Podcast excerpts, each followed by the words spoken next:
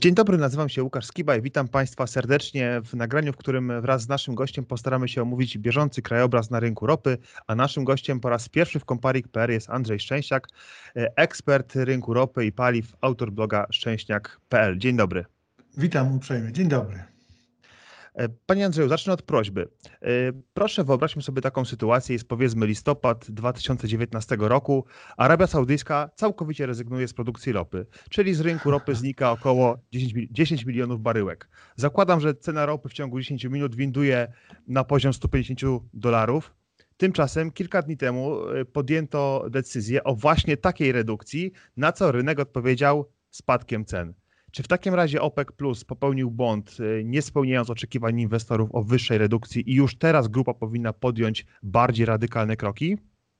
No, to jest duże pytanie. Na globalną skalę rzeczywiście cofniemy się powiedzmy w jesień ubiegłego roku i co mamy na horyzoncie? Na horyzoncie mamy narastającą podaż ropy naftowej. I autorem tej podaży są Stany Zjednoczone. To znaczy Ameryka no to jest fenomen w ogóle pod tym względem. Jestem pełen podziwu, w ogóle nawet zazdrości, jak oni to fantastycznie robią. Ameryka rozkręciła tak swój biznes naftowy, że dodawała co roku e, tyle ropy do rynku, że reszta graczy powoli, no nie tak spektakularnie jak teraz, ale powoli się jakby usuwała, albo obniżając, albo nie podwyższając swojego wydobycia. Bo jeżeli się porówna na przykład wydobycie Ameryki, a jeszcze jak się doda Kanadę, bo to się często zapomina o tym, ale jeżeli się porówna na przykład no, te 4 lata ostatnie, to Ameryka dodała przez te 4 lata prawie 4 miliony ton, yy, znaczy baryłek dziennie ropy, to jest około 4% światowego popytu, podczas gdy Arabia Saudyjska przez ten czas się lekko wycofała z rynku, to znaczy zmniejszyła swoją sprzedaż i podobnie Rosja. To jest ten efekt, że Stany Zjednoczone po prostu coraz więcej tej ropy produkowały, ale ta nadpodaż była odczuwalna. I ceny zaczęły już spadać, teraz już mało kto tego widzi, ale ceny już zaczęły spadać w drugiej czy tam w końcówce ubiegłego roku, ponieważ ta nadpodaż była widoczna. I dopiero jak się zdarzyło, to, to zderzyło zjawisko, bo jak sobie przypomnimy to nawet do końca lutego, to nikt zbytniego jakby znaczenia tego nie przywiązywał. Ale to się zdarzyło z czymś, co jeszcze do lutego no, jak sobie przeglądam właśnie teraz archiwalia na temat prognoz i analiz, to nikt jeszcze tego się, nie, nikt się tym nie przejmował poważnie. To znaczy, teraz mamy problem poważny ze strony popytowej. I gdyby tego popytu, y, problemu popytowego nie było, czyli koronawirusa, to w zasadzie można by powiedzieć, że dosyć miękko, łagodnie poprzez właśnie, właśnie kolejne ustępowania ustępowania amerykańskiej ropie z, z pola przez Saudów, przez Rosjan, ten problem by się rozwiązał. Ale ta fala, która tak naprawdę nadchodzi dopiero, ona jakby wchodzi i tam, gdzie są dobre statystyki, nawet w Stanach Zjednoczonych, to widać. Ja wczoraj to sprawdzałem i po prostu, po prostu zmiotło mi praktycznie. Proszę sobie wyobrazić, że w ciągu dwóch tygodni w Stanach Zjednoczonych e, zniknęło z rynku 40% benzyn. To znaczy nie ma popytu na 40% benzyn. To jest po prostu fenomen. Nigdy czegoś takiego nie było. No, na inne produkty też, ale Ameryka to wiadomo, jeździ głównie na benzynie, nie na dieslu, tak jak u nas. I to jest coś, co dzisiaj wywołuje taką falę jakby tsunami, ale od strony popytowej. To znaczy klienci nie jeżdżą, wiadomo, kwarantanny, zamknięcia, linie lotnicze nie latają, to jest 3 chyba procent w tej chwili do 4% y, zużycia światowej ropy, czyli linie lotnicze praktycznie jako pierwsze uczyniły tę falę, ale tak naprawdę jak stanęła Ameryka, no to okazało się, że to jest dramat. I teraz co się dzieje? Nie ma klienta, E, rafinerie produkują ropę, znaczy przerabiają ropę na paliwa. Te paliwa zaczynają lądować w magazynach, a na stacjach pusto. Podobnie zresztą i u nas, tylko że Ameryka jest tym fantastycznym krajem, który jest po prostu świetnie mierzony i to praktycznie online i te wszystkie dane widać, a u nas praktycznie miesiąc się siedzimy w domach, a nawet nie wiadomo ile spadła sprzedaż na stacjach paliw. Dramat, ale wróćmy tam. I ta fala popytowa, jakby antyfala, takie tsunami, ona powoli najpierw zatopiła stacje paliw, no bo tam jest połowa praktycznie sprzedaży. Teraz dochodzi do rafinerii, które przerabiają ropę, ale już połowę jej muszą wysyłać do magazynów. To się bardzo szybko skończy, bo magazyny paliw to trochę co innego niż magazyny ropy. I one mówią teraz, nie kupujemy ropy od producentów, dostawców, no bo gdzie my to w ogóle zmieścimy jako ropę w magazynach, znaczy w zbiornikach, musimy to, no te, te kontrakty jakoś powoływać się na force majeure czy coś takiego. I tutaj ta fala, i to się dopiero zjawisko zaczyna, bo na poziomie ropy i tam rozgrywek geopolitycznych, które są fascynujące, naprawdę ja się lubię tym zajmować, ale tutaj od strony branżowej ta fala dopiero idzie. I tu jest właśnie, mówię, zatopiła stację, teraz zatapia rafinerię i za chwilę zatopi e, producentów ropy, szczególnie w Ameryce. No w Ameryce będzie to bardzo widać, bo tam jest ten rynek jakby taki, no po pierwsze doskonale doskonale opisany, doskonale statystycznie mm, mierzony, no i poza tym no, bardzo spektakularny, dokładnie opisywany, no i z ogromną rolą y, kapitału amerykańskiego. No, po prostu jestem zachwycony jego potęgą i jakby to powiedzieć sprawnością. W, w takim zjawisku jak na przykład przywrócenie Stanów Zjednoczonych jako lidera i no dzisiaj można nawet powiedzieć hegemona światowej ropy naftowej. I ja właśnie do tego powoli zmierzam, natomiast wspomniał Pan o, o magazynach i czy nie sądzi Pan, czy, że producenci nie będą właśnie odgórnie zmuszeni do większej redukcji z racji na wypełniające się światowe magazyny? To zjawisko widać poniekąd na wycenach kontraktów terminowych, te z późniejszą dostawą są znacznie droższe, a chociażby y, biorąc pod uwagę niedawną niepewność na rynku ropy, dzienne stawki czarterowe statków VLCC mhm. wzrosły y, w ciągu ostatnich 6 miesięcy, z tego co widzę, z 15 do 250 tysięcy dolarów. Tak, tam dzieją się przedziwne rzeczy na różnych wąskich gardłach, e, wąskich gardłach właśnie ropy naftowej, a teraz mówię o paliwach, bo ropa naftowa to jakby w tej chwili dopiero spotyka się z problemem z tego, że nie ma gdzie tej ropy wyładować. Na przykład statki stoją w portach i nie można tego wyładować, statki są pozajmowane, płaci się za nie krocie, a jednocześnie ropa nie ma gdzie się załadować. I tu jest ten problem, to znaczy ja nie myślę, że to będzie jakoś z góry przymuszane. Dzisiaj, znaczy w tym świecie przynajmniej amerykańsko-europejskim, tak to nazwijmy, no góra no, niewiele ma do gadania. To znaczy jednak biznes zajmuje się tym sam i biznes to jakby to się wy, wy, wy, wycenia sam i, i postępuje sam, oczywiście w razie czego wzywając takiego prezydenta Trumpa do tego, żeby pomógł i żeby załatwił sprawę, żeby ta fala, która zalewa amerykańską ropę, nie była na przykład za wysoka. Ale pan się powołał na ten backwardation i tak dalej. To jest. Mm, to, to są dzisiaj instrumenty bardzo zawodne. Ja je obserwuję od lat, no, praktycznie 20 i jak patrzę sobie, co się tam, wracając do historii, bo wiadomo, historia jest nauczycielką życia, zwłaszcza w takich sprawach jak giełdy towarowe. I tutaj mamy sytuację taką, że te instrumenty są po prostu dzisiaj, przepraszam, tak powiem, nic nie warte trzeba patrzeć na, jakby powiedzieć, na te kolejne warstwy rynku, co się dzieje właśnie, czy po, z popytem, z podażą, jakie są uwarunkowania popytu, czyli na przykład ile, jak długo będą trwały te wszystkie kwarantanny i jakie są uwarunkowania podaży, to znaczy co trzeba zrobić z ze no, złożem czy, czy z odwiertem ropy naftowej, żeby go zamknąć, to znaczy, żeby go nie wydawać, bo niektórych się po prostu nie da. Jak się je zamknie, to one są stracone i amen, już tam nigdy więcej nic nie wydobędziemy, no przynajmniej przy normalnych nakładach kapitałowych. Także tutaj mamy sytuację taką, że dzisiaj jesteśmy naprawdę przed, przed kryzysem, jesteśmy po geopolitycznej rozgrywce na potężną skalę. Natomiast pytanie, co będzie, naprawdę nikt tego nie wie i ja na pewno też nie wiem tego, ponieważ taki kryzys. Ja nie pamiętam czasów wojny oczywiście, ale też to nie było tak dokładnie, robi tak jakby powiedzieć, na oczach się nie działo, ale jest to przyrównywalne do uderzenia bomby atomowej w samo serce sektora naftowego. Teraz się okazuje, że te bomby są dwie. Znaczy jedna jest w popyt, linie lotnicze zero praktycznie lotów, o połowę mniej e, samochodów czy powiedzmy sprzedaży benzyn, i y, druga to jest to, że dzisiaj przed takim OPEC stoi zadanie w zasadzie zdjęcia z rynku, czyli obniżenia własnej produkcji każdy z tych krajów o 23%. One są tam śmiesznie wyliczane. Największym, jakby powiedzieć, no, największe straty na tych wyliczeniach poniosła Rosja.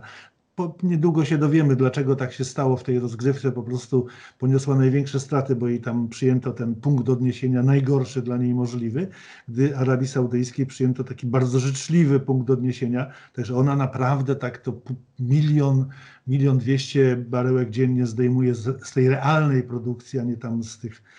Także tutaj mamy sytuację taką jest sytuacja absolutnie nieprzewidalna, idealna sytuacja dla spekulantów dla, na rynku, mm, jak powiedzieć, no, derywatów, bo to przecież nie jest rynek ropy, to jest rynek derywatów. Ja sobie to oglądam, nawet w ostatnim takim tekście, który pisałem, nazwałem to jako taki wielki inwestor, coś na kształt wielkiego terminatora, czy wielkiego powiedzmy, nie wiem, inkwizytora z Dostojewskiego, bo to jest zupełnie gracz, który jakby patrzy na te rozdania i tylko mówi, no więcej zdejmijcie tej ropy z rynku, więcej zdejmijcie, prawda? Goldman Sachs mówi, no za mało tej ropy, no więcej zdejmujcie. No i tutaj się okazuje rzeczywiście, no deal jest dokonany, fenomenalny. Nigdy takiego dealu nie było w historii światowej ropy. Z, o, ilości są ogromne, 10% światowego rynku, plus jeszcze to rzeczy, które zejdą jak gdyby automatycznie ze względu na opłacalność wydobycia w takich Stanach, czy w Kanadzie, czy tam w mniejszych regionach. I co się dzieje? No, ceny ropy WTI 20 dolarów, poniżej nawet schodzą. E, Brent szedł na praktycznie chyba na stałe poniżej 30 dolarów. Jest pełen dramat. To znaczy, w sensie cenowym, wielki inkwizytor, wielki inwestor powiedział: Nie podoba mi się, czekam na następne rozdanie ale to jest charakterystyczne dla tego, dla tego segmentu, jak gdyby, który jest tym price makerem. Nie, to, to cały sektor naftowy, żeby price takerem, czyli odbiera tą cenę, a oni stanowią tę cenę odnośnikową, ten benchmark. I ten benchmark dzisiaj jest po prostu tak dramatycznie niski, że przy tych cenach zdarzało się, że na przykład z Rosji nie opłacało się ze złoża, jak się policzyło cały tam netback, nie opłacało się w ogóle ze złoża wysłać ropy, bo wszystkie opłaty po drodze plus jakieś tam jeszcze podatki po prostu no, minus. W związku z tym to doprowadziło do sytuacji, w której po prostu realnie, realnie produkcja ropy została no, jak ze względów ekonomicznych powinna zostać natychmiast zatrzymana, co, powtarzam, nie jest możliwe fizycznie, technologicznie, geologicznie, ponieważ groziłoby to jakby no za mm, zamknięciem, zniszczeniem dokładnie dużej części złóż, bo one, one już no, nie byłyby do odnowienia. To prawda, wspomniał Pan o, o udziale rynku finansowego w wycenie e, derywatów i instrumentów pochodnych e, opartych o, o ropę. To istotnie, mamy rekordowe otwarcia w Polsce kontrachunków maklerskich, e, a jednym z głównych właśnie najczęściej handlowanych instrumentów jest właśnie ropa i, tak. i istotnie inwestorzy byli to widać nawet też po naszych czytelnikach, rozczarowani e, tak e, słabą interwencją e, no producentów. Tak. No natomiast tak. zanim przejdziemy do Stanów Zjednoczonych, bo, bo, bo, chcę temu poświęcić e, główną część naszej rozmowy, natomiast wspomniał Pan o Rosji, że ona może być e, poszkodowanym e, tego nowego rozdania i istotnie chciałbym tutaj przytoczyć i zapytać o, o Pana może trochę szerszą opinię na temat sytuacji Rosji. Ja tutaj powołam chociażby się na słowa wiceprezesa Łukoil, Leonida tak. Feduna, który porównał nowe porozumienie OPEC Plus do traktatu brzeskiego e, z 1918 roku, co no nie jest najkorzystniejszym porównaniem. Oczywiście, znaczy Rosja jest głównym przegranym tego, e, tego dealu globalnego. Oczywiście w Polsce jest bardzo specyficzne podejście do Rosji i to jest charakterystyczne, że raz się ją tam robi z niej jakieś, nie wiem, monstrum, a z drugiej strony się tam powiedzmy pomiata, zamiata podłogę, ale przy takich sytuacjach, kiedy widać, że Rosja przegrała, a jeszcze nie wiemy dlaczego, chociaż wiemy strukturę tego dealu, prawda, że prezydent Trump narzucał pewne rzeczy, wymuszał je jakby, natomiast reszta rozgrywała się między sobą. Zresztą to dzisiaj widać po tej strukturze rynku, bo ona, jakby ten deal ma taki charakter. Prezydent Trump nakreślił taką czerwoną linię, za którą nie wolno OPEC-owi plus, czyli 23 państwom przechodzić, czyli one mają zmniejszyć podaż, ta podaż nie, znaczy ta podaż nie zagraża jakby amerykańskiej ropie, a tutaj na tym pozostałym dla OPEC plus polu Arabia Saudyjska odgrywa taką rolę strażnika jakby e, rynku, to znaczy ona dała tam najniższe, czy największe upusty, najniższe ceny ropy naftowej i szczególnie na dwóch rynkach rosyjskich, czyli Azja, Chiny i Europa. I to jest, to jest taka właśnie gra. Co do wypowiedzi prezesa Feduna, on jest bardzo malowniczą personą, ja go bardzo lubię słuchać, chociaż czasami opowiada ciężkie drdymały, ale jest to człowiek, ale to czasami. Natomiast jest to człowiek bardzo malowniczy, bardzo niezależny umysłowo i muszę powiedzieć, że jak spotkałem tę jego wypowiedź, to bardzo, jakby powiedzieć, mnie przek znaczy przekonał mnie, tak, takie podejście miałem wcześniej, ponieważ jak się popatrzy na wszystkie te elementy i na cały rozwój tej sytuacji, to po pierwsze Rosja dostała największe, jak powiedzieć, kary, czyli największe ilości ropy realnie do zmniejszenia, bo mówię, Arabia Saudyjska to tak gdzieś wyszło jej dwa, tam 1-2 miliona baryłek, a Rosji tak naprawdę te 2 tam i 3, nawet 2,4 miliona baryłek trzeba zdjąć, a w Rosji 23% produkcji to nie jest takie w kij dmucha, to, to naprawdę trzeba się na, na gimnastykować i uratować na przykład złoża, które jakby powiedzieć, są zagrożone w takich operacjach. Rosjanie się według mnie z tego wiążą, bo oni są dosyć solidni, jak z nimi się bardzo ciężko negocjuje, twardo. Zresztą tutaj też były twarde negocjacje, bo tam te telefony między Białym Domem, Kremlem i tam y, Arabią Saudyjską się, że tak powiem, urywały, ale według mnie oni się tego dotrzymają. Natomiast oni są bardzo, bardzo, y, że tak powiem, poszkodowani w tym, w tym dealu, bo tak naprawdę prezydent Trump osłonił swoje, swoje dobra przed naporem dużej ilości ropy, które się po 6 marca zaczęły na świat wylewać, to raz. On będzie teraz porządkował to różne sposoby pomocy, no tam przewiduje się różne rzeczy.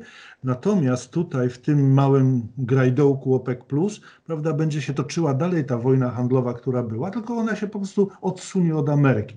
I tu jest jakby, jak się porówna te, tę sytuację z wypowiedziami no, no przede wszystkim prezesa Siecina, byłego wicepremiera rosyjskiego zresztą, który dzisiaj szefuje Rosniefti. One są bardzo rozsądne, one są bardzo geopolityczne, bo przecież jest polityk tak naprawdę i on dokładnie ujmował sytuację, pokazując właśnie, gdzie Ameryka zajmuje rynki też rosyjskie e, ropy naftowej, jak eksportuje te 4 miliony e, baryłek dziennie ropy i pojawia się na rynkach, które po prostu innym, innym graczom zabiera. Mhm. No jak się porówna tamtejsze wypowiedzi z dzisiejszym takim no przykrywaniem tej porażki ze strony rosyjskiej, jakimś takim zamilczaniem jej trochę, że no my się wywiążemy, chcemy, żeby się inni wiązali, takie pustosłowie trochę, to widać, że po prostu Rosja się bardzo, że tak powiem, na tym, na tym dealu bardzo mocno przejechała.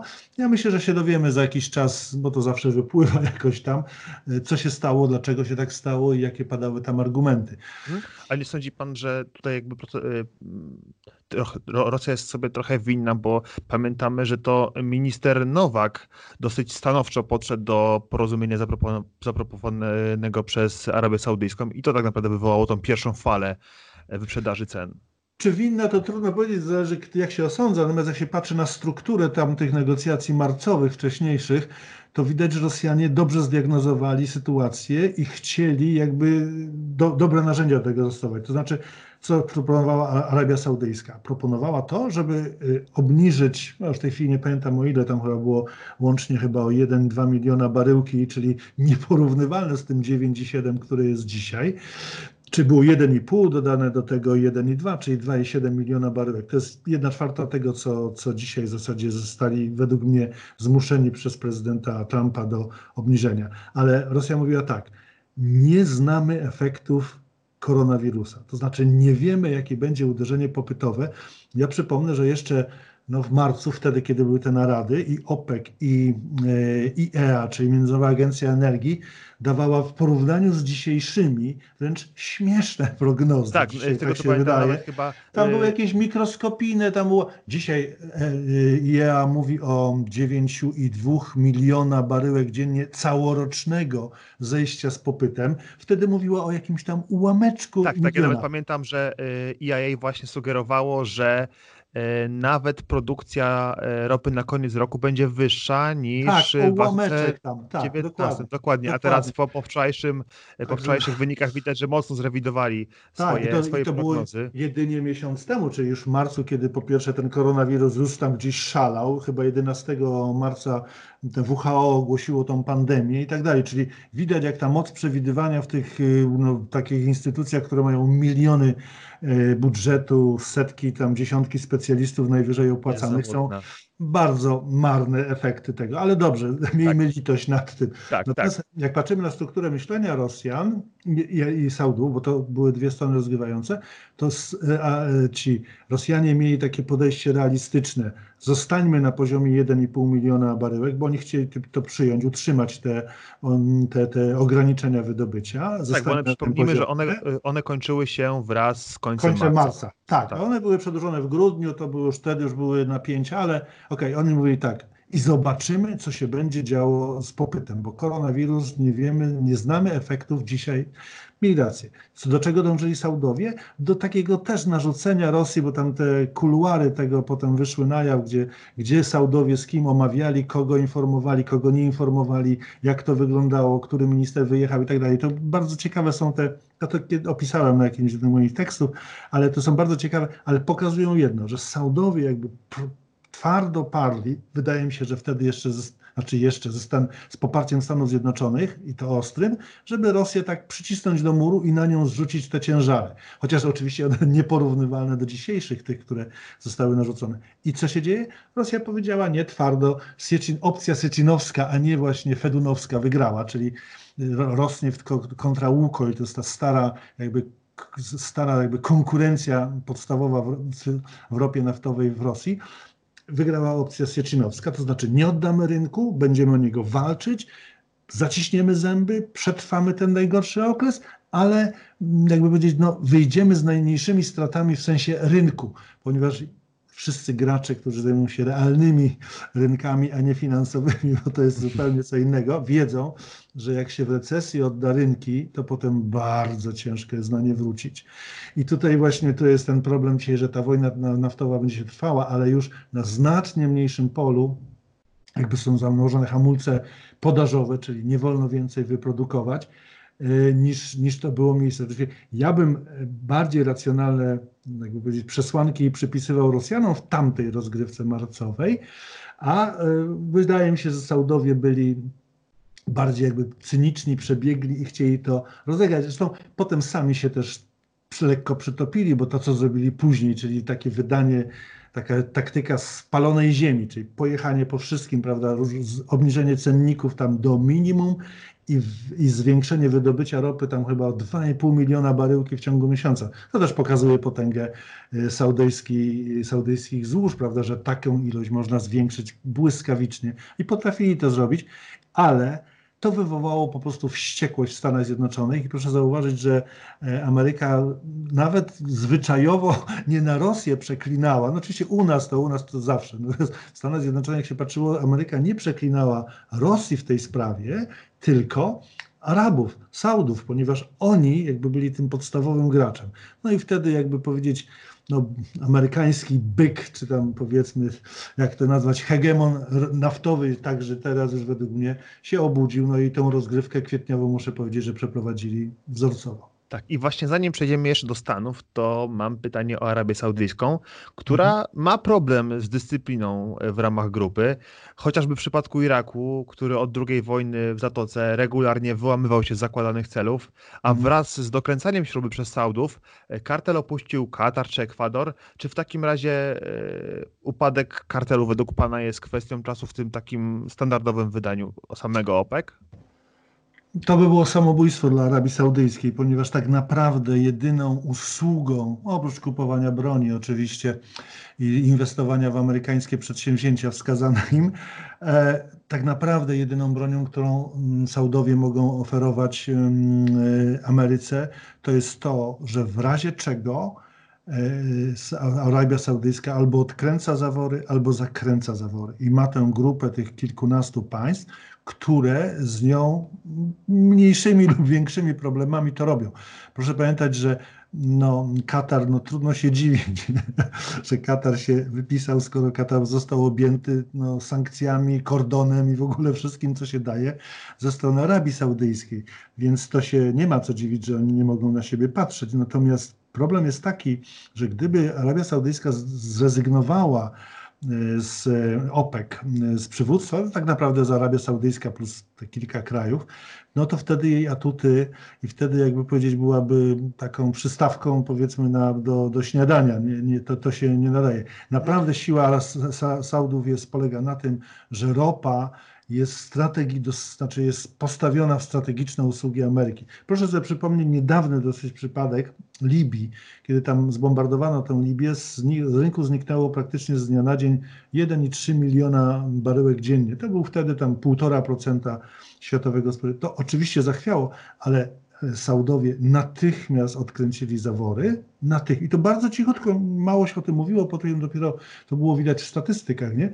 Ale to Saudowie zrobili i dzięki temu to poszło. Potem Amerykanie zaczęli własną ropę produkować, więc te usługi są, jakby powiedzieć, no już nie tak cenne, ale no rzeczywiście pytanie jest takie, jak, kto, kto i jak wyjdzie z tej rozgrywki poobijany, to znaczy czy Stany Zjednoczone będą łapały oddech, bo tam na pewno zmniejszy się wydobycie, pytanie o ile i w jakim stanie to ten kryzys przejdą, y, i jeżeli będą, że tak powiem, coraz bardziej dominować na rynku ropy, no to pozycja Arabii Saudyjskiej będzie coraz słabsza, ale sama rezygnować z OPEC-u nie będzie moim zdaniem. Zresztą ostatni list tych senatorów amerykańskich właśnie tego żądał od Saudów. To jest najcenniejszy klejnot w koronie, który mają Saudowie i oddawszy go, popełniliby według mnie samobójstwo. Natomiast czy e, jakby całkowicie niezależnie od woli Saudów, sama grupa e, nie jest na tyle już toksyczna, że to, ten rozpad w końcu e, nastąpi? Mam na myśli chociażby, przy, wspomniałem o Iraku, to jest drugi, drugi producent w OPEC, produkuje 5 milionów baryłek, to wcale nie mhm. jest tak mało, nawet zestawiając Saudami, a wiadomo, że Irak jest coraz mocniej ciągnięty w stronę Iranu, czyli największego wroga Arabii Saudyjskiej. Ale proszę pamiętać, że OPEC, jak się popatrzy na historycznie, to jest to fenomen pod tym względem, że jest to największe w historii przemieszczenie bogactwa z krajów zachodnich, czy z krajów dominujących, rozwiniętych, do krajów no, byłych kolonii, kolonii surowcowych na pewno. I ten wynalazek 65 roku, kiedy po prostu te kraje powiedziały nie, a potem zgotowały Zachodowi ten kryzys 73 roku, spowodował to, że dobro, które było brane praktycznie za darmo i ceny się tam im wysyłało, zresztą było takie powiedzenie posted prices, czyli ceny wysłane, po prostu zawiadomiono tam tam, gdzie się wydobywało ropę, po ile dzisiaj kupimy tę ropę. Jeżeli powrót do takiej sytuacji, to jest taki modelowy rynek, prawda, który nie ujmuje tej renty mm, surowcowej, którą teraz pobierają, czasami wyższą, czasami niższą te kraje produkujące, e, oznacza dla nich powrót do sytuacji kolonii e, surowcowej. I to jest oni doskonale to pamiętają, oni to wspominają, wiedzą, że tak nie można i nawet taki Irak, jeżeli dojdzie co do czego, to będzie wiedział, że nie może doprowadzić do sytuacji, kiedy ropę będzie sprzedawał tam po 10 czy 15 dolarów, bo po prostu z tej ropy tam nic nie zostanie, zwłaszcza tam większość inwestycji jest powiedzmy amerykańskich czy jakichś tam. W związku z tym, jakby za to dobro, które tam mają, na pewno nie będą dobrze żyli. Czyli według mnie OPEC jako konstrukcja fundamentalna jest na tyle mocna i na tyle owocna dla tych krajów, że one będą się trzymały. Oczywiście one fikają, ale proszę to jest nic w porównaniu z tym, co było w 1986 roku, czy przed 86, czy takim wielkim kryzysie, który był czym spowodowany? Otóż wtedy Arabia Saudyjska, jako ten lider OPEC-u, brała na siebie jakby coraz większe obciążenia, to znaczy coraz bardziej zmniejszała wydobycie ropy mm, i podtrzymywała w ten sposób ceny. Oczywiście dziś tam te ówczesne ceny są dzisiaj trochę śmieszne, no ale jak się je przeliczy przez y, inflację i jak się przeliczy je na tamtejsze pieniądze, to jest całkiem dobre były. I w pewnym momencie okazało się, że Saudowie wydobywają jedną trzecią tego, co mogą, czyli jedną trzecią potencjału i w pewnym momencie nie wytrzymali. A dlaczego tak się stało? Ponieważ wszyscy inni uprawiali strategię freerider. To znaczy, jak Arabia Saudyjska chce mieć wysokie ceny, to my na tym zarobimy. I cały ten OPEC oszukiwał, sprzedawał na bokach, kłamał. Oczywiście wszyscy wszystko wiedzą, to się nie da ukryć, natomiast Arabia Saudyjska już po prostu w pewnym momencie pękła to spowodowało gwałtowny spadek cen, to spowodowało spadek wydobycia w Stanach Zjednoczonych, to spowodowało też taką falą odbitą, jakby powiedzieć, no, poważne kłopoty y, Związku Radzieckiego i, i przyczyniło się w jakiś sposób do jego upadku, prawda, tam pięć lat później. Także to jest dzisiaj te kłopoty, które przeżywa OPEC są niczym w porównaniu z tamtymi czasami. Tak, e, natomiast y, szczególnie to, takie głosy pojawiały się w momencie, kiedy Saudowie po fiasku rozmów z Rosją zapowiedzieli podwyższenie produkcji i zalanie tak. rynków i to zapowiadano jako drugą e, wojnę przeciwko łupkom. I zastanawiam się, bo e, Arabia Saudyjska już y, raz w znacznie bardziej sprzyjających okolicznościach wypowiedziała wojnę amerykańskim łupkom. Skończyło się to bardzo źle, bo rekordowym deficytem, utratą e, dużej części rezerw. E, teraz sytuacja jest znacznie gorsza, bo wszak trwa wojna o tron. Saudowie potrzebują wysokich cen do realizacji planu chociażby Saudi Vision i ta e, wizja miasta Neom się całkowicie oddala. Całkowicie, znaczy te wizje na piaskach arabskich są po prostu no, one są piękne, to są miracles, ale one zależą tylko od wysokich cen ropy. Ja myślę, że Pan mówi o problemie roku 2014. Tam zupełnie co innego e, było. Tam chodziło o to, że Arabia Saudyjska głównie i kraje inne też powiedziały, e, nie weźmiemy na siebie ciężaru walki z amerykańską rezerwą federalną ponieważ to jest moja teza, oczywiście autorska, ale ma prawo byty, ma pewne podstawy. Wtedy w 2014 pani Yellen powiedziała koniec. Koniec zasilania rynku e, potężnymi ilościami pieniędzy. I wtedy te inwestycje w te najbardziej ryzykowne instrumenty, typu właśnie opcje, futures, a już cały ten w ogóle over-the-counter rynek, który jest nie, nieewidencjonowany, tam się dzieją rzeczy niesamowite, a sprzedają się takie same produkty, czyli bardzo, bardzo podobne produkty jak na giełdach. To jest po prostu, ten rynek po prostu pękł i z powodu braku zasilania tym darmowym amerykańskim pieniądzem. I co się okazało? Ceny spadły tam chyba ze 100 30 czy 120 dolarów do 28 pół roku później. Nie tak szybko jak teraz spadały, ale z wyższego poziomu. Ale powód był tego taki, że rynki spekulacyjne, czyli te rynki derywatów, przestały mieć zasilanie. No jak wiadomo, jak brakuje pieniądza, no to się przestaje inwestować w pewne aktywa. I tutaj padło na ropę i wtedy OPEC powiedział tak, znaczy, dylemat był taki: albo weźmie tą falę na siebie, to znaczy będzie obcinał wydobycie, a ceny i tak będą spadały, bo rynki finansowe, to oni już sami dobrze zbadali po kryzysie 2008 roku. Najlepsze analizy, jakie rynków y, tych derywatów naftowych, jakie tam to właśnie były zamówione i przeprowadzone przez OPEC, fachowe, rzetelne, wie pan, jakby nie, nie poddane poprawności politycznej. Tak, ja też polecam y, te miesięczne raporty na stronie OPEC, bo i są bezpłatne, i są bardzo y, kompleksowe. Tak, bardzo rzetelne, a jeszcze te analizy właśnie, bo oni też byli zdziwieni w 2008 roku, co to się stało na tym rynku. Przebadali dokładnie dokładnie to zjawisko, ale w 2014 roku to był właśnie ten element, że OPEC powiedział nie. I powiedział wtedy, szef OPEC-u wtedy powiedział, no jak to? No niech rynek zadecyduje. No i rzeczywiście wtedy ropa w ciągu pół roku spadło do 2000, do dwa, nie, w, ciągu półtora roku, w 2016 spadła do 28 dolarów. Mówię o Brencie, czyli w zasadzie dzisiejszy poziom. No i wtedy narodził się ten OPEC+, bo wtedy zaczęli mięta przez rumianek państwa, które się nie bardzo kochają, wbrew tam uśmiechom i tam różnym żółwikom i tak dalej, czyli Arabia Saudyjska i Rosja, zaczęły jakby gdzieś skonspirować, spiskować przeciwko, e, przeciwko jakby powiedzieć utracie e, e, rynku na światowego rynku i przez rok tam zwodziły te, te powiedzmy tych inwestorów finansowych. I to bardzo ładnie widać było, jak kolejne oświadczenia, przybliżenia. Widać, że to PR-owsko fantastycznie rozpisane, mogli wziąć naj, naj, najdroższą na świecie, jak powiem, agencję PR-u, ale widać było, jak było to rozpisane. Tego, tego paliwa dla, jakby to powiedzieć, no, tych spekulantów starczyło na prawie rok i w końcu jak już po drugiej, czy, czy w czwartym kwartale e, drugiej jego części zaczęły te ceny spadać, już jakby ten rynek przestał w to wierzyć, w te bajki, no to wtedy podpisali chyba 30 grudnia, jak pamiętam, podpisali to porozumienie i wtedy oczywiście, no wtedy to już poszybowało do góry, że heja, no ale to tylko, no, na ile wystarczyło? Na 3 lata wystarczyło tego paliwa, 17, 18, 19. No teraz przy prawdzie, bo e, OPEC ma wiecznie ten sam dylemat i to jest, czy to było 70 lata, czy 80, czy 90, czy teraz. Albo cena ropy będzie wysoka, ale będzie rosła konkurencja, tak jak w 70 latach wyrosła konkurencja na Morzu Północnym, a teraz wyrosła konkurencja i to bardzo twarda, agresywna, zasilona i nieprzebranymi ilościami kapitału, czyli Amerykanie, albo będzie cena niższa, oni nie zarobią, ale nie rozwiną się alternatywy. I tak alternatywy w ropie, jak i tam te alternatywy typu, nie wiem, e-mobility czy jakieś inne rzeczy.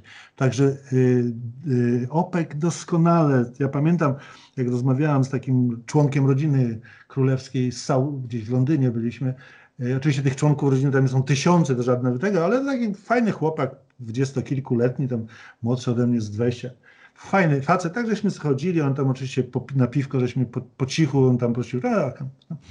I on opowiadał, jak to jest, i on się zajmował sektorem, bośmy na takim kursie naftowym się spotkali. I po prostu człowiek powiedział tak, takie podstawowe, jak wyniosłem do tej pory, pamiętam, bo to już dwadzieścia kilka lat temu, podstawowe jego powiedzenie mówi, wiesz, no ale my nie tradujemy ropą. My ropą robimy sojusze. No i wtedy pierwszy kurs geopolityki naftowej odbyłem i do tej pory wiem, jak Saudowie to robią. Zresztą bardzo ciekawe były rozmowy i Saudowie po prostu doskonale mają tę świadomość, y, jaka są te podstawowe, jakby powiedzieć, no, dylematy ich pozycji. Oni wiedzą, że ten jakby ten, to, to, to przechylenie tego wahadła bogactwa na ich rzecz jest chwilowe, Chwilowe. ale chcą to utrzymać jak najdłużej. To znaczy, ja nie wierzę w te procesy, jakby to powiedzieć, tam industrializacji, tam cyfryzacji tych różnych bajki i tak dalej, bo jak się patrzy na tych ludzi z Arabii Saudyjskiej, to oni po prostu nie mają takiej jakby fundamentów kulturowych do tego, żeby takie rzeczy robić. To, to naprawdę jest, to się pokoleniami nakłada i to my nie mamy w stosunku na przykład tam do wiem, Anglików czy Niemców, mamy jakby ten, ten, ten culture gap, czyli to za, za, zaległość jakby kulturową, no ale naprawdę z całym szacunkiem, to są bardzo fajni ludzie, ale oni po prostu kulturowo, cywilizacyjnie żyją w innym świecie. I nie jest to świat na pewno tam przemysłu 4.0 czy jakichś innych IT czy coś takiego. To można pewne rzeczy kupić, ale żeby to rozwijać. No i proszę jeszcze pamiętać o podstawowej rzeczy, że po prostu to jest e, jednak e, bańka oparta na ropie, w tym sensie choćby nawet ludnościowym, jak się porówna ludność no, tych regionów opekowskich, arabskich teraz, a powiedzmy 40-50 lat temu i porówna się import żywności, który tam się dokonuje, to widać na jakich kruchych podstawach to jest. Także oni doskonale sobie z tego sprawę zdają, to jest jakby w ich fundamencie myślenia, ale, ale, ale chcą to przedłużyć i moim zdaniem bardzo, bardzo rozsądnie rozgrywają to już od tego spotkania prezydenta Roosevelta, prawda, z, z królem e, arabskim na, na tym statku Quincy, prawda, który był początkiem tego sojuszu amerykańskiego. Dzisiaj oglądamy kolejną jego odsłonę. Jest to naprawdę fascynująca gra polityczna, bardzo, jakby powiedzieć, twarda, ale jednocześnie bardzo taka sophisticated, to znaczy grają... Wyrafinowana. Wyrafinowana. I każdy, to trzeba przyznać, to w naszej polityce tego nie ma, zero jest tego, każdy broni twardo swoich interesów, swoich pieniędzy, swoich inwestycji, nie oddają je za damski tam powiedzmy ten, żaden sposób. To jest po prostu twarda gra twardych facetów, którzy z jednej strony taki Trump, z drugiej strony ten następca tronu saudyjski, który wygląda na niezłego, jakby to powiedzieć, kalkulatora, powiem delikatnie. Tak, a właśnie kończąc temat Arabii Saudyjskiej, to czy w tym, e, w tej walce e, właśnie problemem nie będzie walka o tron, bo słyszymy, że jest ona naprawdę zaciekła, jeśli chodzi o Arabię Saudyjską. Jaka zaciekła? No, następca tronu wyznaczony, pozamykał tam swoich konkurentów, ileś tam tej rodziny musiał tam, część podejrzewam, no, się mówi, że tak powiem, ogląda od dołu ten, ten świat, prawda, w pustyni, natomiast część gdzieś pochowana po jakichś obozach koncentracyjno-hotelowych, czyli w tych cudownych hotelach e, saudyjskich po prostu zrobił im kwarantannę nie wiadomo na jak długo.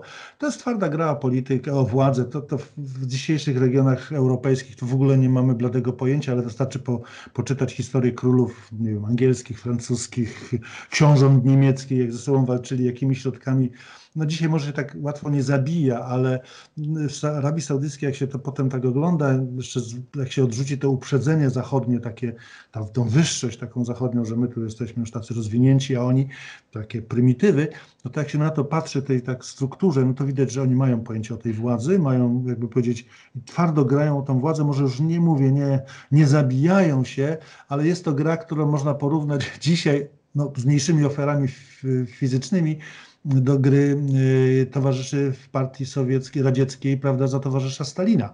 Tam tak. też te gry były bardzo twarde, chociaż jakby no tam więcej trupa padało, no ale tu, tu już jednak czasy się zmieniają, prawda? No tak, ale y, tutaj Ale też... struktura jest bardzo podobna. Bo to też pamiętać, że obecny sukcesor yy, tronu saudyjskiego nie był pierwotnie e, spodziewany jako następca no. Tak, ale niech pan na niego popatrzy i to widać, że to jest człowiek urodzony do władzy. Jest takie fantastyczne zdjęcie jego z Trumpem, jak siedzą w tym gabinecie owalnym. Trump trzyma taki wielki plakat, taki jak te czeki wielkie, które ci obdarowani, no i tam na tym plakacie takim, prawda, jest ta ilość tych samolotów, tych czołgów, tego wszystkiego i tak dalej. tak czasami zastanawiam, gdzie ci Saudowie te czołgi chowają, bo to po prostu chyba w piasku gdzieś, ale nieważne. I, i, i to zdjęcie ujęło po prostu tego księcia, czy następcy tronu już, z takim wzrokiem na Trumpa, po prostu widać, że facet gra idealnie, że patrzy na tego Trumpa dumny ze swego dzieła, obiecał mu tam te 160 czy ile miliardów dolarów, zakupi tę broń. Do niczego się ona nie, nie, nie nada, bo nawet z tymi, z tymi husytami sobie nie potrafią poradzić gdzieś tam w biednym Jemenie, ale to jest ten podstawowy element. No i proszę, no proszę pamiętać, no, za siekierą czy tam piłą mechaniczną zabić, po, po, podziabać na kawałki dziennikarza i nie mieć z tego, z tego powodu żadnych konsekwencji, to naprawdę jest Mistrzostwo Świata. To po prostu rzecz jest straszna i okrutna i taka właśnie wschodnia, ale proszę popatrzeć na konsekwencje. Cały liberalny świat, bo proszę był dziennikarz amerykański, tylko miał obywatelstwo saudyjskie. Cały liberalny świat krzyczał po prostu utopić tych Saudów, a Trump powiedział nie, takie zamówienia zbrojeniowe nie ma mowy. Oczywiście to nie tylko zamówienia, tam są jeszcze głębsze dużo więzi, ale, ale Saudowie są naprawdę potęgą i potrafią to rozgrywać. I mi się przypomina to powiedzenie właśnie króla saudyjskiego ze statku Quincy, który powiedział, ten sojusz będzie wieczny. Wasze żelazo i nasza wiara. I tutaj naprawdę, naprawdę tak jeszcze, tak jeszcze wtrącając taką aluzję co do tych samolotów, o których pan mówił, że nie ma na nich miejsca, to przypomina mi się taki, taka relacja któregoś z europejskich dziennikarzy, jak przyleciał do Iraku po upadku już Szacha i tam było takie wielkie cmentarzysko tych samolotów wzdłuż głównej autostrady, ale to tak nawiasem. Tak, tak, no Natomiast... zapasowe części służą, tak. tak. Natomiast, y, więc widać, że to, to, może, to może być kruche, natomiast to trzymam kciuki, żeby ten świat się nie przewrócił. Natomiast y, zmierzając ku Stanom Zjednoczonym, na blogu zaznaczył Pan, jak mocne upokorzenie odczuli Amerykanie, gdy to kraje arabskie w latach 70. narzuciły swój ton na rynek ropy. I mam wrażenie, że sugerował Pan w swoim tekście, że obecny kryzys to jest dobry moment, żeby tą szachownicę wywrócić i ustalić nowe reguły gry. Mylę się, czy, czy tak istotnie znaczy, jest? To jest instatu na scendi, także tego nie wiemy, co będzie, ale wszystko wskazuje na to, że jeżeli Trump przeprowadzi swój plan, czyli recesja w sektorze szejlowym, czyli naftowym i gazowym też w Stanach nie będzie poważna, głęboka i taka strukturalna, że załamie ten przemysł, a przypominam, że taka recesja miała miejsce właśnie po załamaniu cen w 2014 roku. Dwa lata tam ciężko, ciężko odpękali, ale wydobycie spadło chyba tylko 15%, jak, mniej więcej, jak pamiętam w tej chwili. Także jeżeli ta recesja nie będzie poważna i strukturalna, to moim zdaniem Stany Zjednoczone wracają w postaci hegemona światowego rynku. I tu się przypomina czasy właśnie pierwszej połowy XX wieku, kiedy Stany Zjednoczone produkowały do 80, a czasami nawet do 90% światowej ropy. Na amerykańskiej ropie czy amerykańskich paliwach cały sojusz zachodni, ta, ten, ten, prawda, koalicja zachodnia przejeździła i wygrała dwie wojny, i pierwszą wojnę światową i drugą wojnę światową. Stany Zjednoczone w II wojnie światowej dostarczało 80% paliw dla wojsk sojuszniczych. To jest element, który dzisiaj w tej komunikacji, prawda, wiadomo, dużo więcej widzimy, dużo więcej też tych mechanizmów wewnętrznych władzy, ale to widać, że ten, kto ma dominującą pozycję na rynku w sensie wolumenu, a Stany Zjednoczone zdobyły pozycję największego producenta ropy świat, światowej, y, i do tego tą niesłychaną amerykańską władzę, potęgę prawda, polityczną, dyplomatyczną, państwową, wojskową, no wszelką, że to potrafią po prostu, oni mogą wrócić jako ten, kto absolutnie rozdaje karty. I to ten deal wielkanocny, bo on się skończył naprawdę, znaczy zawiązał dokładnie właśnie w Dzień Wielkiej Nocy, e, w Święto Wielkiej Nocy, i pokazuje, że to może być początek nowego ładu światowego, gdzie rola OPEC-u będzie jakby obronna, to znaczy będą mogli rozwiązywać pewne rzeczy, ale nie tak mocno jak wcześniej, a z drugiej strony tym, kto będzie narzucał reguły gry, na przykład tę czerwoną linię, o której teraz mówiłem, którą nakreślił prezydent Trump, to będą Stany Zjednoczone. Pytanie, to jest oczywiście pytanie, bo to, to nie wiadomo. Może się okazać, że kryzys będzie tak głęboki, że ta fala tsunami będzie tak wysoka, że zatopi, oczywiście wtedy zatopi najdroższe złoża, czyli Ameryka, Kanada, no już tam jakieś inne, że tak powiem, wydobycia typu tam wenezuelskiego, no ale to z innych przyczyn, prawda? Ale to może zostać zatopione bardzo poważnie.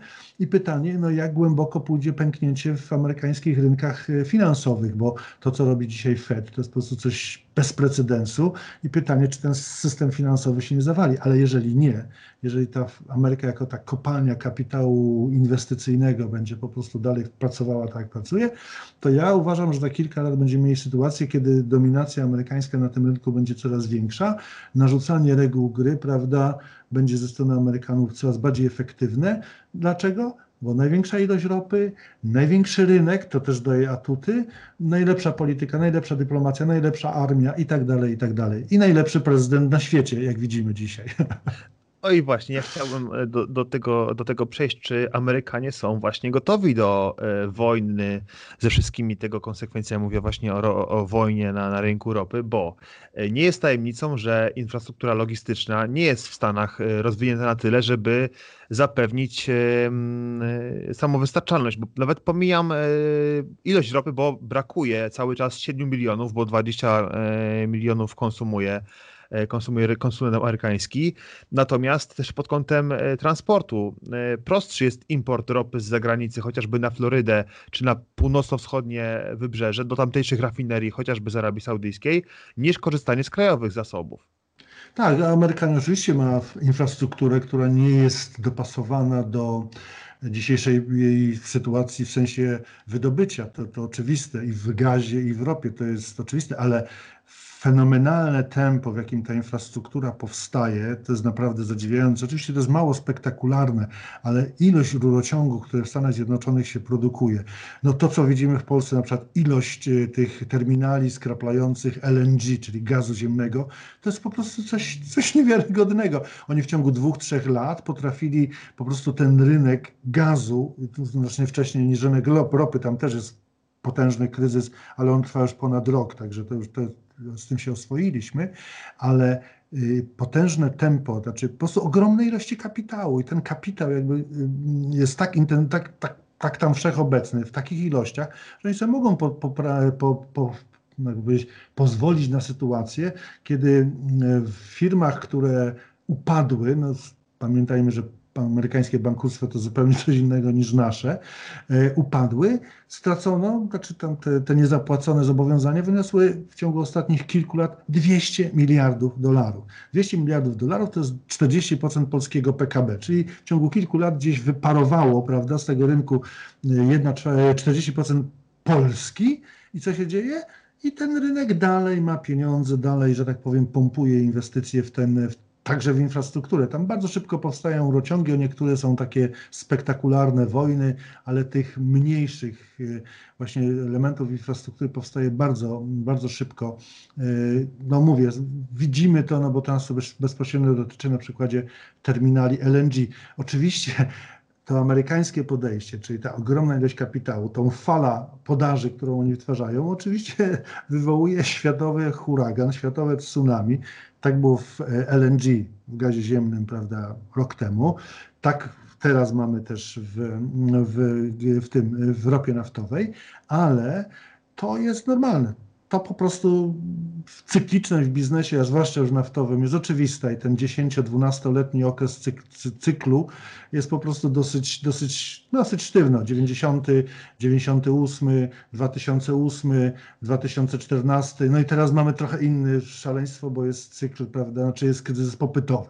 Także to jest, to jest bardzo ciekawe zjawisko i według mnie y, u nas bardzo słabo opisane, bo tam się jakby powiedzieć, no, my się w ropie i w gazie też głównie skupiamy na Rosji, to nam wystarcza. To, to takie zaściankowe jest dosyć, natomiast jak się przypatrzy Stanom Zjednoczonym tym mechanizmom, które tam działają i siłą, które działają, no to jest to siła. No i dzisiaj ten spektakularny, najbardziej spektakularny prezydent na świecie, ja jestem pełen podziwu dla prezydenta Trumpa, zresztą kibicowałem mu, żeby wygrał. Jestem, określałem się nawet publicznie, nawet w tvn kiedyś mogłem powiedzieć, że jestem drużyny Trumpa, tam dyskutując na temat globalnego ocieplenia, co wywołało szok i podniesienie brwi. No okej, okay, dobrze, ale prezydent Trump jest naprawdę fenomenem e, biznesu i geopolityki, czy polityki. To jest po prostu człowiek, który naprawdę ma do, do biznesu po prostu ogromny talent i e, w polityce także się odnajduje. Oczywiście są te elity liberalne to nim gardzą, niszczą go, opluwają i tak dalej, ale jeżeli człowiek biznesu, za którego ja się uważam też, patrzy na niego, jak on się zachowuje w polityce, to nie ma mu nic do zarzucenia. On naprawdę patrzy na ten biznes, jak człowiek, który wie, jakie, jakie tam reguły panują. Chociaż to taka anegdotka, kiedyś ktoś opowiadał, niedawno jak Trump został prezydentem, opowiadał, że siedzą z Trumpem jeszcze przed wyborem, oczywiście, w czasie tam kampanii, siedzą na jakimś, jakimś no, wydarzeniu tam politycznym, biznesowym. No i Trump jeszcze jest tym kandydatem jeszcze, prawda? I tak pyta tego, tego tego biznesmena obok, mówi, słuchaj, oni tak ciągle mówią, ale co to jest to LNG? No, także okazało się, że prezydent Trump niedawno się dowiedział, co to jest LNG. Natomiast jego pojęcie i praktyka w biznesie przeniesiona na forum polityczne jest po prostu bardzo, bardzo skuteczna. Proszę popatrzeć, jak, jak gdzieś wygrał starcia, nie wiem, z Kanadą i Meksykiem, renegocjując tę naftę, jak z Japonią, prawda, jak doprowadził do tego, że Chiny praktycznie no nie powiem, że upokorzone, ale no po cichu i tam podpisały zobowiązanie, że kupią to, to, to, to, to i to, prawda? Co dostały w zamian? Nic nie dostały. Dostały to, że nie będzie dalszych sankcji, nie będzie dalszych ceł i tak dalej, i tak dalej. Nie dostały nic w sensie takim, żeby coś się polepszyło. Nawet to Huawei jest dalej tak niszczone, jak było. Prezydent Trump jest twardym graczem, aż przyjemnie na to patrzeć. Oczywiście czasami powiedzmy, że krew nie bryzga po ścianach, więc można spokojniej, ale to jest naprawdę twarda męska gra i mówię, ja jestem pełen podziwu, lubię takich graczy, do, bo tutaj po prostu wszystko jest jasne. Rozumie się kategorie, jakich on myśli, albo się je przyjmuje, albo nie. Albo się wstępuje w konfrontację, albo się ucieka z linii strzału, bo wiadomo, że zostanie się zmieciony. Tak, to niespotykany sposób prowadzenia w obecnych czasach. Natomiast jeszcze tak e, słowem komentarza, istotnie rynek finansowania w Stanach Zjednoczonych y, przede wszystkim rynek w ogóle długu w branży energii to jest temat na zupełnie osobny odcinek. Mam nadzieję, że będziemy mieć okazję. To jest niesamowita rzecz, tak, to jest niesamowita tak. rzecz. Pomijając to, jak on bardzo jest toksyczny w dużej części, natomiast to, to jest. Toksyczny. Proszę pana, gdyby było w Polsce tyle kapitału, że on by się uszami przelewał, bo taki jest w Stanach Zjednoczonych, to oczywiste byłoby, że ten, który się uszami już przelewa, szuka, jak powiedzieć, bardziej ryzykownych inwestycji. I te me metody, to metody, które wymyślili właśnie w Shale, to są, jestem pełen podziwu, bo tam naprawdę już takie zabezpieczenia wymyślili, że po prostu do głowy by nie przyszło, ale jednak wymyślili i ten kapitał tam popłynął. Straty są potężne, tam 200 miliardów, ale on dalej płynie, może czasami szerszą falą, czasami strumykiem, ale te firmy aż tak masowo nie bankrutują e, wydobycie rośnie i nawet gdyby tak obserwowałem właśnie, te, te, bo to, to jest absolutnie niedochodowy biznes. Patrząc na cash flow, czyli to jest podstawowe tam te dochody, to tam wszystko są sztuczki księgowe. Patrząc na cash flow, czy free cash flow, to mamy sytuację, kiedy ten od 2010-2012, kiedy są dokładne statystyki, widać, że to jest niedochodowy biznes, ale jego niedochodowość, czyli ten free cash flow, który generował ten biznes, zmniejszała się. Ogromna skala, są to setki miliardów dolarów były, ale to się zmniejszało. I gdyby nie ten to tąpnięcie popytowe, popytowe, czyli koronawirus, to by w tym roku prawdopodobnie wyszło na plus, czyli można by powiedzieć, że nie tylko te księgowe dochody, wiadomo, że one nie ujmują prawda, przepływów finansowych tak jak powinny, no ale to po to to jest. Natomiast jak patrzeć na przepływy, widać, że po prostu w Stanach Zjednoczonych byli blisko, już się witali z gąską, no i koronawirus. Tak, tak no to, już tak kończąc ten temat, yy, frustrację pozostałej części świata, jeśli chodzi o finansowanie tej branży, widać chociaż moim zdaniem po mm, takim słynnym filmie Planet na temat rynku ropy, on się pojawił w 2018 roku, nie pamiętam tytułu, ale tam widać było, że że francuscy, francuscy eksperci mają taką zadrę, że jak, w jaki sposób rozwija się ten rynek amerykański. Natomiast jakby e, zostawiając ten temat, bo już czas nas goni, chciałbym zapytać jeszcze o takie dwie istotne rzeczy. E, czy według Pana obecny kryzys otwiera szansę dla może jakichś nieoczywistych, nowych graczy na rynku ropy? Który z właśnie z producentów może najbardziej zyskać? Być może Chiny, którzy, które nie są uwikłane w te naftowe wojny. Nikt do tej pory ich nie upominał o limity produkcyjne. Tak, Chiny są tutaj takim cichym graczem. Warto przypomnieć, że oni też bardzo, bardzo zwiększyli wydobycie ropy, jeszcze bardziej zwiększyli wydobycie gazu, zwłaszcza tego łupkowego, bo oni oprócz Amerykanów są jedynymi, którzy opanowali te technologie. Natomiast e, dzisiaj oczywiście Chińczycy wykorzystują koniunkturę dla konsumentów, czyli uzupełniają zapasy, rezerwy. kupują. Tak, oczywiście.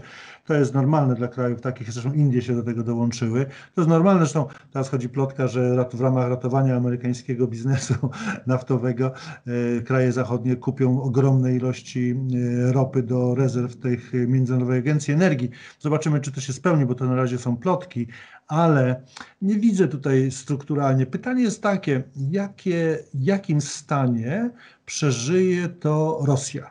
Bo e, Arabia Saudyjska ma takie, jakby powiedzieć, fantastyczne złoża, że ona praktycznie może je zakręcić, odkręcić i tam się nic nie dzieje. Oczywiście. Bardzo elastyczne. Bardzo elastyczne. I to jest ich, ich potęga, są to złoża tanie, tam kilkudolarowe można powiedzieć.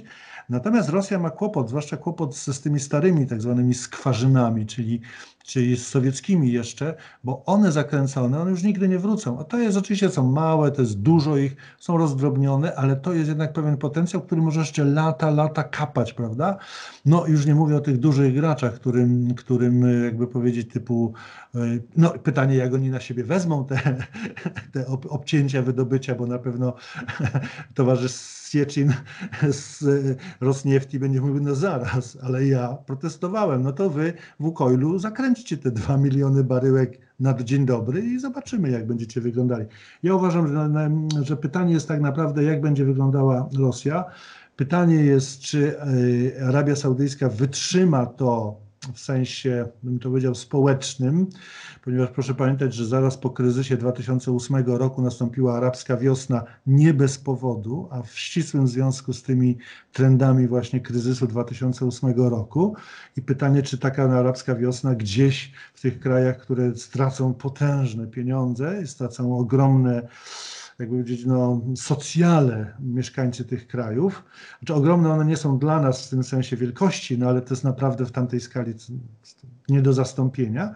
I pytanie, co będzie? To, że moim zdaniem nastąpi fala w tych krajach takich no, kolejnych tam rewolucji, zamieszek, niepokojów społecznych, no bo no, to, to samo się dzieje, co w Stanach Zjednoczonych. Jeżeli dzisiaj ogłosili, że tam 22 miliony ludzi, czyli tak gdzieś 15 niecałe procent ich y, siły roboczej y, straciło pracę w ciągu miesiąca. To jest, to jest coś niewiarygodnego. Podobne rzeczy, tylko nie tak szybko i nie tak dobrze są mierzone, dzieją się gdzieś indziej. Także pytanie jest takie, jak, z, jakiego, z jakim stanie pozostałe kraje, konkurenci, y, konkurenci Stanów, bo tutaj już tak się szykuje taka właśnie konkurencja. Z jednej strony Stany Zjednoczone plus Kanada i jeszcze opierający się Meksyk, ale myślę, że kilka lat pracy i Meksyk będzie idealnie wkomponowany, podobnie jak Kanada, w ten amerykański rynek naftowy, a z drugiej strony właśnie ten OPEC, który będzie cieniem samego siebie, bo proszę zauważyć, że OPEC, bez względu na, bez względu na wszystko, zobowiązał się, że do końca 2021 roku, czyli prawie dwa lata, te ograniczenia, i to dosyć duże, bo przez cały przyszły rok ma ograniczenia 6 milionów baryłek niecałych e, obowiązywać. W związku z tym to jest, to będzie już cień tego, co, co będzie. Jeżeli, że tak powiem, no, popyt odbije no, tak jak choćby do poziomu ubiegłorocznego w 2021 roku, no to będzie miejsce dla amerykańskiej ropy idealne. Także to nie widzę tutaj konkurenta. W branży naftowej niełatwo się rodzić konkurentem, trzeba mieć zapasy. Według mnie, jeżeli nie będzie e, no, rewolucji społecznej w Arabii Saudyjskiej, to Arabia Saudyjska przejdzie to suchą stopą.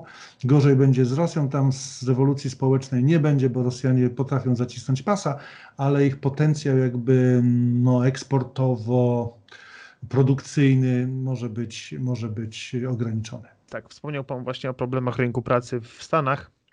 Ja sobie tu notowałem informację, że w ciągu, e, nie, nie mam e, źródła, natomiast e, w ciągu 90 dni może być konieczne zamknięcie połowy wiertni w Luizjanie. To jest około 15 tysięcy wiertni, więc to jest masa, masa pracy. Natomiast wspomniał Pan o Meksyku, a właśnie o to chciałem zapytać w przedostatnim pytaniu, bo Meksyk wyrasta w tym konflikcie na prawdziwego czar czarnego konia, bo to jest y, gracz, który od 20 lat zabezpiecza się e, wykupem opcji, zabezpieczając się właśnie przed e, spadkiem e, cen i według wielu analityków jest to gospodarka, która może być jedną z bardziej odpornych na, na spadki cen. Oczywiście ona jest dywersyfikowana poza sprzedażą ropy, ale to jest nadal 2,5 miliona baryłek dziennie. Być może to, Meksyk jest bardzo ciekawym przypadkiem. Oczywiście no, mm, finansowi inwestorzy są zachwyceni, że że Meksyk się hedżuje na potężne kwoty i na potężne ilości i czasami, co się ujawnia czasami, na tych hedgingu zyskuje. Oczywiście hedging nikt nie zna, oprócz stron, nie zna tych konkretów. Hedging działa tylko do pewnego zakresu cenowego. Na przykład w amerykańskich kontraktach, one są tam najbardziej transparentne, widać, że przy poziomie WTI 20 dolarów to żaden hedging nie działa i wtedy tak, ta tak. zabawa się kończy. Ale hedging w tych przedziałach powiedzmy cywilizowanych jest pewnym narzędziem. On jest jakby takim rynkowym no, panaceum to może nie, ale takim lekarstwem, czy raczej plastrem na bolącą nogę, w przypadku e, e, na tą niestabilność rynku, prawda, na tą ogromną zmienność cen. I, I Meksyk się tutaj, znaczy powiedzieć, ma jakiegoś dobrego tam powiedzmy, no, menedżera finansowego, który wie, jak tych narzędzi używać.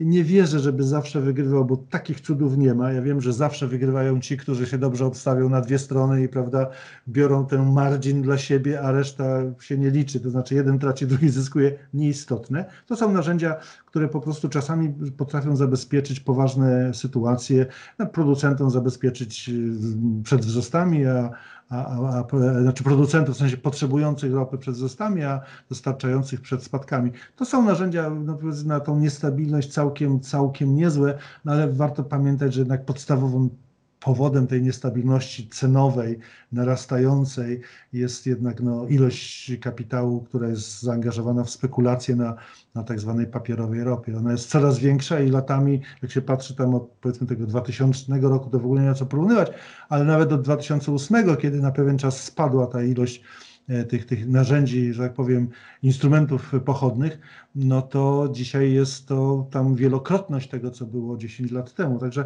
to jest, to jest podstawowa sprawność. A, y, to już za dużo czasu, ale Meksyk jest też bardzo ciekawym przypadkiem właśnie w sprawie właśnie Pemexu, inwestorów zagranicznych, populizmu i tak dalej. Dużo by opowiadać, ale to już nie Na pewno przy kolejnym spotkaniu. Natomiast na końcu e, chciałbym pana zapytać też sprawa, która mnie zawsze mocno intrygowała, bo mam wrażenie, że polskie media są pełne e, takich powtarzalnych, mylnych informacji, jeśli chodzi o tak zwany próg rentowności wydobycia. Obiegowa mhm. opinia głosi, że Arabia Saudyjska może najdłużej wytrzymać dumping cen, co jest nieprawdą, co pan też zauważył na blogu, że istnieje, istnieje sam koszt y, wydobycia jest niski, bo w okolicach 3 dolarów, ale z racji na wysokie e, koszty socjalne e, ten poziom break-even jest znacznie wyżej. Natomiast podobnie W przypadku amerykańskich producentów łupkowych. Wszyscy właśnie wieszczą, że oni mają najwyższe koszty, pierwsi będą upadać. E, a przecież wraz z rozwojem technologii niektóre firmy, szczególnie te w, w basenie permskim, osiągnęły rentowność nawet poniżej, osiągają rentowność poniżej 20 dolarów za baryłkę. Stąd tak. proszę o takie w kilku słowach uporządkowanie tej sprawy. Czy tak, jest... w pełni się z panem zgadzam. Ten polski krajobraz, nawet tego nie czytam, bo to po prostu wstyd i hańba. Jest bardzo monotonny, on jest nastawiony przeciwko jedne, jednemu graczowi, wszystko się temu podporządkowuje i w ogóle brednie, brednią pogania. Dramat, nie warto czytać. Ja czytam po angielsku, po rosyjsku, po niemiecku, więc, więc mam tutaj w rosyjsko-angielskie są bardzo dobre źródła. Muszę powiedzieć tak, po pierwsze y, jest pełne zamieszanie, co to są koszty ropy, bo są koszty lifting cost, czyli to, co wydobycia, tak zwane operacyjne, bieżące koszty, są capital costs, i to są bardzo różne rzeczy. Dzisiaj w, w, Arabii Saudyjskiej praktycznie capital costs nie mają, bo oni najmniej wiercą, najmniej inwestują w sensie tych kapitałowych, a koszty rzeczywiście operacyjne wydobycia mają poniżej 3 dolarów. Ja znam opracowania amerykańskie, które pokazywały, że te największe złoża e, saudyjskie, i to poważne naukowe opracowania, a nie żadne tamte, są, są w granicach 0,5 dolara za e, e, operacyjne koszty e, wydobycia z ropy. Ale co jest ciekawsze jeszcze, to mało się o tym mówi, ale w Iranie złoża ropy naftowej są jeszcze tańsze. Tam są te złoża, powinno z powodu pozycji Iranu, prawda, od lat jest nierozwinięte, niedobrze zbadane, brak kapitału na inwestycje, ale tam są jeszcze tańsze. Oczywiście muszą być tańsze, droższe złoża w Rosji, bo to są koszty operacyjne. Przecież tak naprawdę Rosja wydobywa multum ropy w wiecznej zmarzlinie. Nie ma siły, żeby koszty tam były niższe. Tam są koszty niższe, jak się chce, y, znaczy powiedzieć, wytworzyć LNG z gazu, bo wtedy rzeczywiście różnica temperatur jest niewielka. Natomiast y, w wydobyciu ropy jest, jest jest to poważny problem. Y, I tutaj trzeci ten element, bo każdy trzeba było mówić po kolei, ale trzeci element jest fascynujący, ponieważ Amerykanie to jest potęga technologiczna. Kapitał, jakby powiedzieć, zasila technologię, rozwój technologiczny i sektor naftowy jest po prostu fantastycznym tego e, przykładem. Otóż tam redukcja kosztów, zwiększenie wydajności złóż, zmniejszenie e, jakby czasu na przykład wierceń, zwiększenie ilości równoległych wierceń, zwiększenie ilość linii naraz tam w różnych kierunkach wierconych jednocześnie, jest po prostu coś niesamowitego. To wszystko oczywiście się przekłada na coraz niższe koszty. Jeżeli się porówna koszty amerykańskie sprzed tam powiedzmy 10 lat, prawda, 10 rok, to takie początki tego, tej rewolucji łupkowej, one są kilkukrotnie, kilkukrotnie wyższe niż dzisiaj. I oczywiście bardzo dużo zależy oczywiście od geologii, no bo na to nie ma rady. I tutaj nigdy amerykańskie łupki nie, przeci, nie prześcigną arab, arabskich złóż, które są mamutami wręcz takiego i są praktycznie bezpłatne w wydobyciu. Natomiast tam konieczność jest podstawowa, konieczność wierceń błyskawicznych, ciągłych, ponieważ amerykańska ropa łupkowa wypływa tak naprawdę w ciągu miesiąca, a potem to już takie zdychanie przez lata i coraz mniejsze wydobycie. Natomiast Amerykanie ten podstawowy koszt opanowali i tak okiełznali cenowo, czasowo, tam technologicznie, że po prostu naprawdę pełen podziw. To jest coś niezwykłego. I y, oczywiście bardzo różne są ceny. Łupki to jest cała paleta, właśnie od Permianu, który warto pamiętać, on te złoża są pod dawnymi amerykańskimi, teksańskimi złożami, które kiedyś były największe na świecie i które kiedyś zapewniały Ameryce tę pozycję po prostu hegemona naftowego do 52 roku. One są pod, bo to jest ta skała macierzysta, której te łupki jeszcze, znaczy ta ropa jeszcze uwięzła, nie uciekła do tych e, przestrzeni nad nią. I tam e, to wydobycie jest po prostu dzisiaj najtańsze. I rzeczywiście popatrzymy na amerykańską ropę, na ten cały łupkowy sektor. I co się dzieje? Wszystkie złoża oprócz Permian padają. To znaczy padają, no wywiercili te odwierty, ale wydobycie na nich spada no już dobrych, dobrych kilka miesięcy, jak nie lat. I te złoża jakby zanikają. Natomiast jedyne, co od roku co najmniej rośnie, to jest Permian.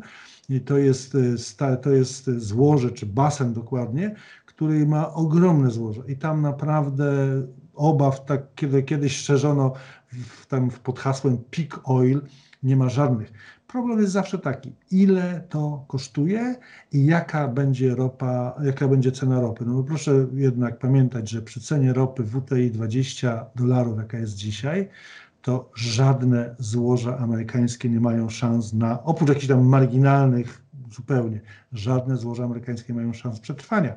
To się po prostu nie da. Oczywiście oprócz tych takich koziołków, co tam pykają tą ropę, już nic nie kosztują praktycznie, one tylko tam to wiadro ropy codziennie wypykają, a proszę pamiętać, że takich, takich takich osiołków, to tam jest chyba z pół miliona. To, to są po prostu masowe rzeczy. To sobie nie wyobrażamy, jak się jedzie przez Amerykę i nagle pyk, pyk, pyk i to pracuje tam ten pyk, pyk, pyk, pyk, pyk, prawda? I to są tego setki tysięcy. Ale te mówię po poważnych złożach, no to one są po prostu przy cenie 20 do tego jeszcze Amerykanie nie doszli.